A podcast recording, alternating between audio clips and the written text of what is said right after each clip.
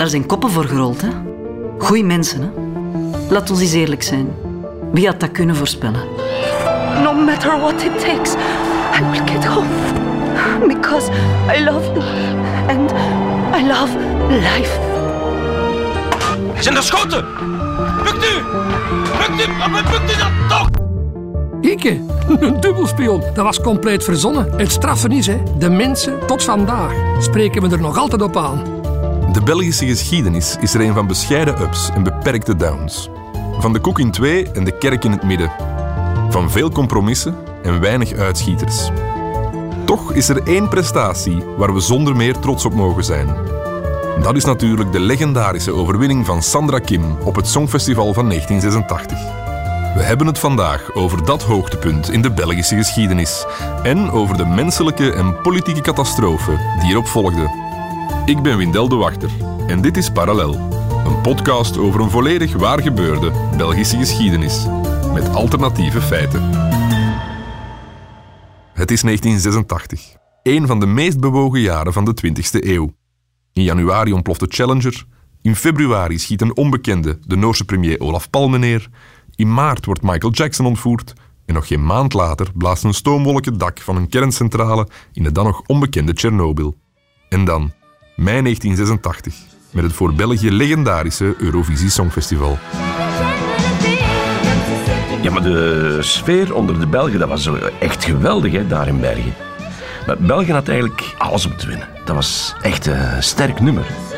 Dit is Lennart Pastoors, vandaag professioneel wijnboer. Maar in 1986 reist hij als jonge reporter voor het BRT1-programma Sterren naar Bergen, Noorwegen. We kunnen wel doen alsof dat we blij verrast waren dat dat liedje won, maar eigenlijk wist iedereen op voorhand dat dat er dik in zat. Hè. J'aime, j'aime la vie. Dat, dat, wa- dat was goed, hè.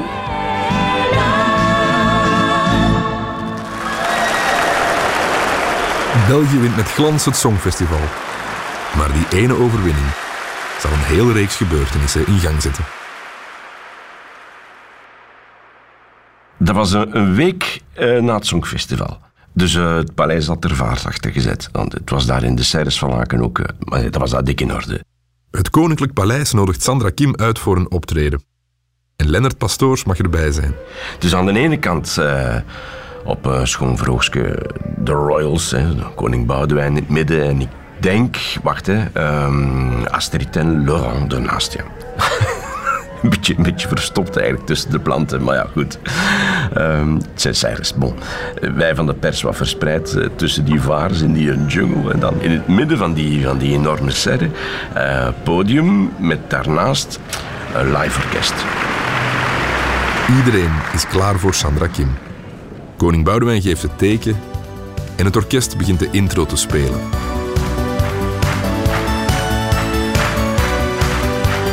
En dan gebeurt het. Het is te zeggen, er gebeurt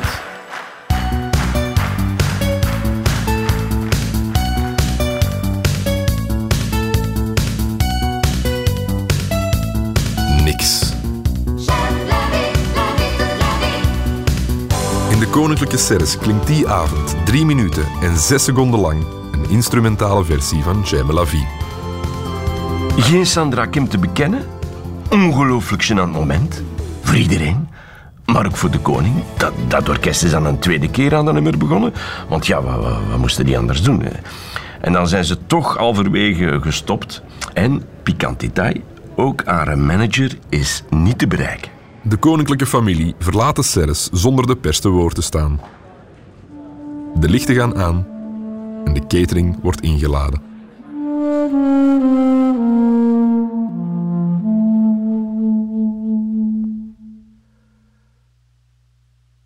Sandra Kim blijkt van de aardbodem verdwenen. Tezamen met haar manager is ze zich ver van de wereld gaan verschuilen voor de pers. Dat denkt ook Lennart Pastoors.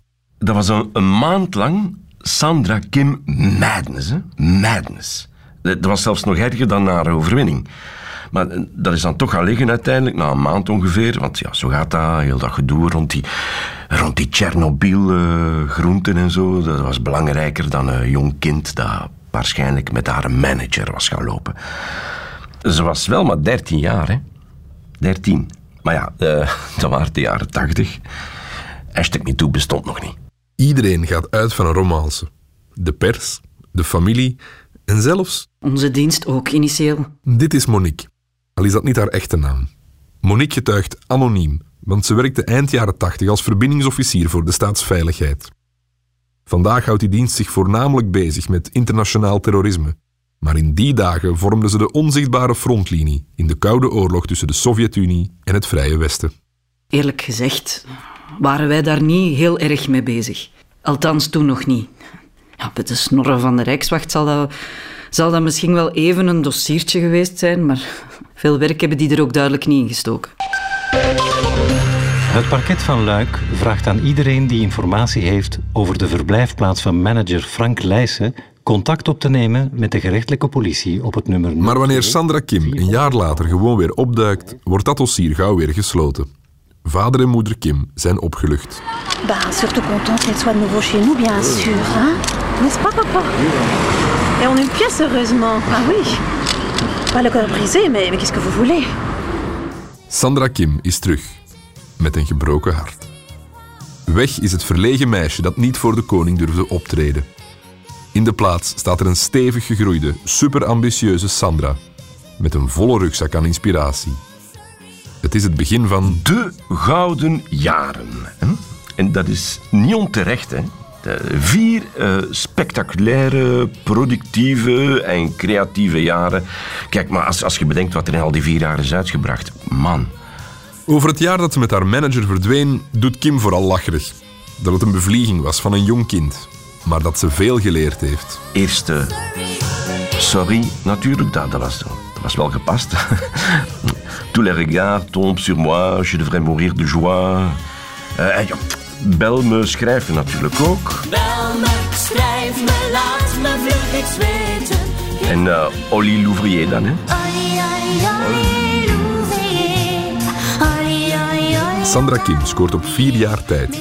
Niet drie, Eh, dat levenslijnlied voor eh, fibromyalgie. niet vier, Een jaar later voor hypochondrie. En dan, ja, ons vijfjarenplan. Vijf jaar om alles te klaren. Ze scoort vijf gouden platen. In de wacht. In totaal 22.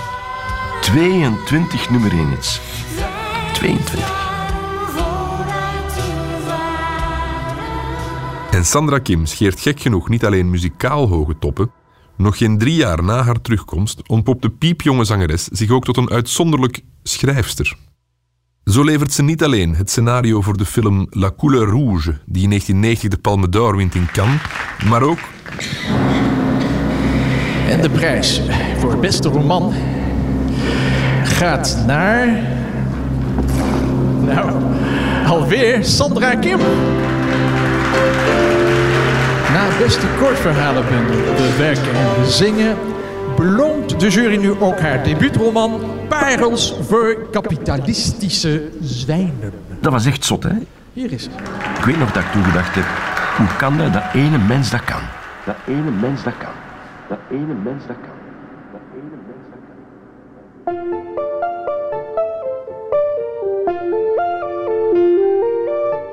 We zijn intussen aan het einde van 1990 aangekomen. Vier jaar na haar legendarische optreden op het Songfestival en met meer gouden platen, filmprijzen en bestsellers op haar naam dan ze vingers en tenen heeft, kondigt Sandra Kim een carrière-switch aan. En nog geen kleintje.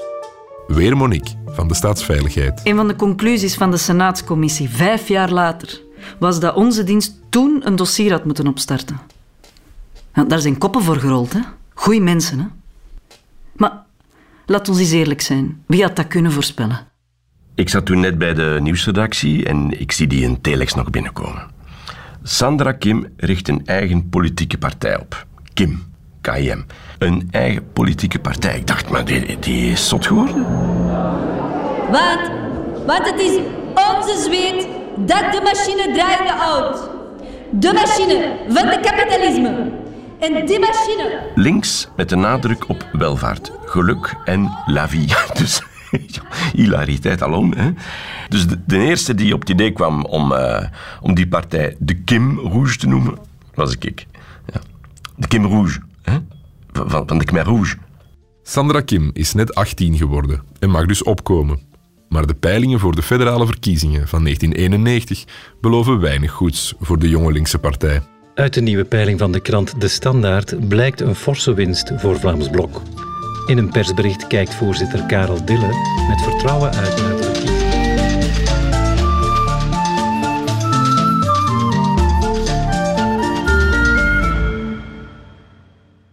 Van alles wat er daarvoor en, uh, ja, Jesus, vooral, vooral daarna gebeurde, blijft het zotste toch uh, Walter Grootaars. Al de rest krijg ik verklaard, maar ik breek er nu al 30 jaar mijn kop over. Walter. Ah, het is aan mij. Het is 3 september 1991, twee maanden voor de verkiezingen. En op BRT1 speelt de allereerste aflevering van het nieuwe seizoen van De Drie Wijzen. Een intussen legendarisch quizprogramma waarin Gertie Christoffels, Walter Grootaars en Jacques Vermeijren elk een verhaal vertellen. Eén verhaal is echt gebeurd, de andere twee compleet verzonnen. In die bewuste aflevering vertelt Walter Grootaars dit over Sandra Kim. Oké, wat ik ga vertellen is een, is een waar verhaal, zoals ik altijd doe trouwens. Ik eh, lieg nooit. Uh, maar uh, na het Eurovisie Songfestival van 86 is Sandra Kim niet met haar manager even verdwenen om dingen te gaan doen wat man en vrouw Gertie zo wel eens een keer plegen te doen. maar hou je vast, Sandra Kim is gedrogeerd door de KGB. En er is nog. Allee, zeg. Ja, ja, ja. Ze is daarna ontvoerd. Helemaal naar achter uh, die dingen daar. De, allee, de stalen draperieën, de, het ijzeren gordijn. Pas op, hè. Je lacht, maar het wordt nog straffer. Hè. En Walter had gelijk. Het werd inderdaad nog straffer. Hou je vast aan alles wat je kunt aan vasthouden, want die Sandra Kim, dat is eigenlijk... Toen werd er wel een dossier opengedaan. En nog geen kleintje. Walter Grootaars zuigt voor een tv-spelletje een verhaal uit zijn duim. Een verhaal dat 100% correct blijkt te zijn. Dat is behoorlijk verbijsterend. En dat vond ook Monique van de Staatsveiligheid.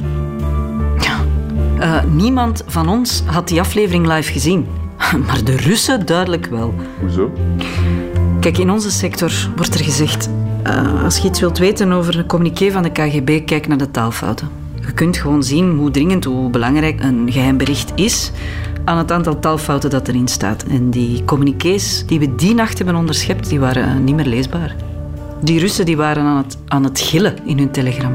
Was Walter Grootaars dan een dubbelspion misschien? Een geheim agent van de Russen die uit de bicht klapte? Hoogstwaarschijnlijk niet. Tuurlijk niet. Enfin, het is te zeggen... Gewoon toeval. Allee, dat, dat, dat verzinde niet, hè. Maar wat er twee maanden daarna gebeurde, dat, dat, ver, dat verzinde dus ook niet, hè. Pas op, hè. Je lacht, maar het wordt nog straffer.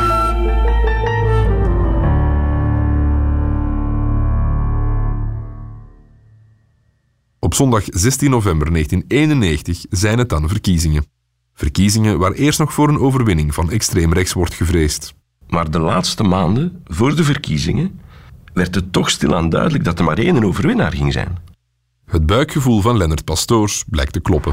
Op wie anders? Hey, op wie anders? Ik zou die partij stemmen omdat ik denk dat prins Filip daarop uh, stemt. Veel keuze is er niet, hè, voor de rest. Heb je de rest van de partij eens gezien? Kijk, achteraf gezien is dat allemaal een heel duidelijke, perfecte timing. Hè. Dat meisje zat een berg geld. Die kwam sowieso al dagelijks op, uh, op de BRT of RTBF of VTM of uh, ja, zelfs Nederland 1 en 2. En die periode, elke grote partij, die kampte met schandalen. Wij durfden op de nieuwsredactie eerst niet berichten over die, die exit polls die binnenkwamen. Nou, ja, toch niet voordat iemand ze driedubbel gecheckt had. Hè? Dus voor alle, voor alle traditionele partijen, serieus pak slaag. En uh, voor Frans Blok net geen kiesdrempel, maar wel een monsteroverwinning voor de partij Kim. Met, met volstrekte meerderheid in de Kamer. Du jamais vu. Dus wij in, in allerijl uh, de grote ploeg de Notto hup, naar het partijfeest in een AB. De nationale en internationale pers verzamelt die avond in allerijl in de Ancienne Belgique. Met één enkel doel. Beelden maken van de nieuwe premier van België. Een immense rode K eh, die daar aan het wapperen is aan de ingang.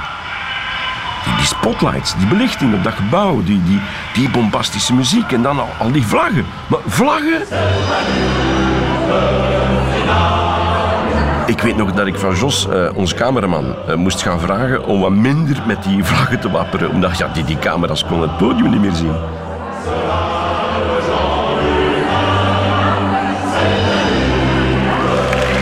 Er wordt mij gemeld, eh, voorzitter en lijsttrekker Sander Kim zou zijn aangekomen. Het zaallicht wordt gedimd. Er vallen duizend rode ballonnen van het plafond naar beneden. En Sandra Kim baant zich een weg tussen haar aanhangers naar het podium. Het gaat eh, erg traag. De voorzitter van de grootste partij van ons land raakt met moeite op het podium. Uiteindelijk bereikt Sandra Kim dan toch het podium. Ze neemt de microfoon vast en zegt... Niks. Is er een technisch oponthoud? Nee, wacht. Eh, Sandra Kim lijkt in het publiek iets te hebben gezien. Kunnen we daar beelden van krijgen? Regie? Vooraan op de eerste rij staat een blond meisje recht. Ze staart naar Sandra Kim. En Sandra Kim trekt bleek weg en staart terug. Ik hoor een, eh, een knal. Wordt, er geschoten? Zijn er schoten? Bukt nu! Bukt u dat Bukt u! Knallende ballonnen worden voor geweerschoten gehouden. Er breekt paniek uit. De veiligheidsdiensten bestormen intussen het podium. Nu, we hebben de beelden er eens bijgenomen en vertraagd. Op het podium zie je zo verbazingwekkend duidelijk Sandra Kim, badend in het licht van één grote spotlight. Rond haar een tiental verward kijkende veiligheidsagenten. Veiligheidsagenten die niet weten wat ze moeten doen. Ook al is Sandra Kim daar op het podium in een gevecht verwikkeld. Een gevecht op leven en dood met zichzelf. Zijn er schoten? Bukt u!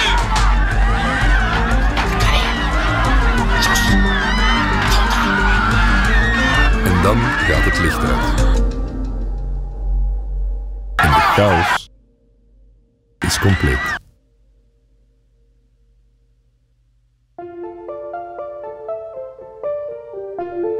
Achteraf gezien is het, eh, is het uiteraard makkelijk om alle fouten op te sommen. Waren er red flags die onze dienst had moeten zien? Sandra Kim, die een jaar van de aardbodem verdwijnt en zonder haar manager terugkeert. Ja, misschien. Sandra Kim, die meer hits en boeken schrijft dan menselijk mogelijk is. Alsof er een propagandamachine achter zit. Kapitalistische zwijnen. Misschien wel, ja. Hits, boeken en kortfilms die bij momenten wel heel kritisch zijn voor het Westen. Olé,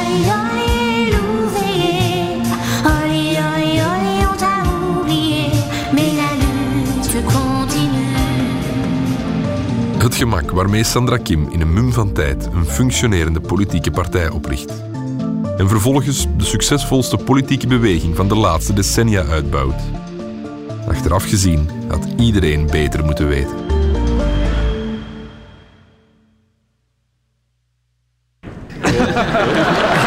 En gelacht, hè, maar het wordt nog straffer.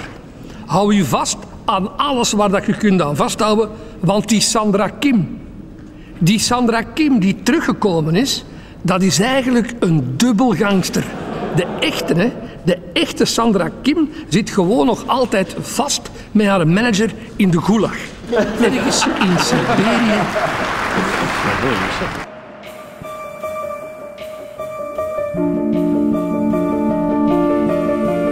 In het tv-programma De Drie Wijzen blijkt Walter Grootaerts de ongelooflijke waarheid onthuld te hebben. Per ongeluk of niet, dat doet er niet echt toe. Maar het gevolg is wel dat de Russische geheime dienst in paniek raakt en steken laat vallen. Het is net na de uitzending van De Drie Wijzen dat manager Frank Leijzen samen met de echte Sandra Kim kan ontsnappen uit de gulag. En zo kwam Sandra Kim, de echte, terug naar huis om haar Sovjet-dubbelgangster te ontmaskeren. Ja, die ontsnapping, dat is dus echt... eh, is een- Dat is een onwaarschijnlijk, onwaarschijnlijk verhaal. Die, een tunnel. Die, die omgekochte bewakers. eh, die een tocht van, van twee maanden do- door Siberië. Hè? Twee maanden door Siberië. Wie zou zoiets kunnen geloven? Er is ook een, verschrikkelijk slechte film van gemaakt, eh, een paar jaar later. Make it out for both of us, Frank. I will get home. No matter what it takes. Because I love you. And I love life.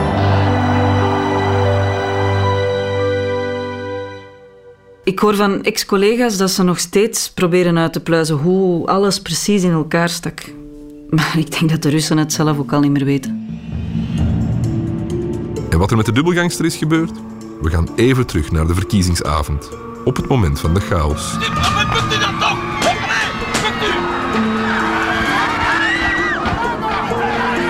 Het lijkt een eeuwigheid te duren. Maar wanneer de lichten in de zaal aangaan, kruipt er van onder het hoopje veiligheidsagenten op het podium maar één Sandra tevoorschijn. De dubbelgangster, die kon in het gewoel en de verwarring ontsnappen.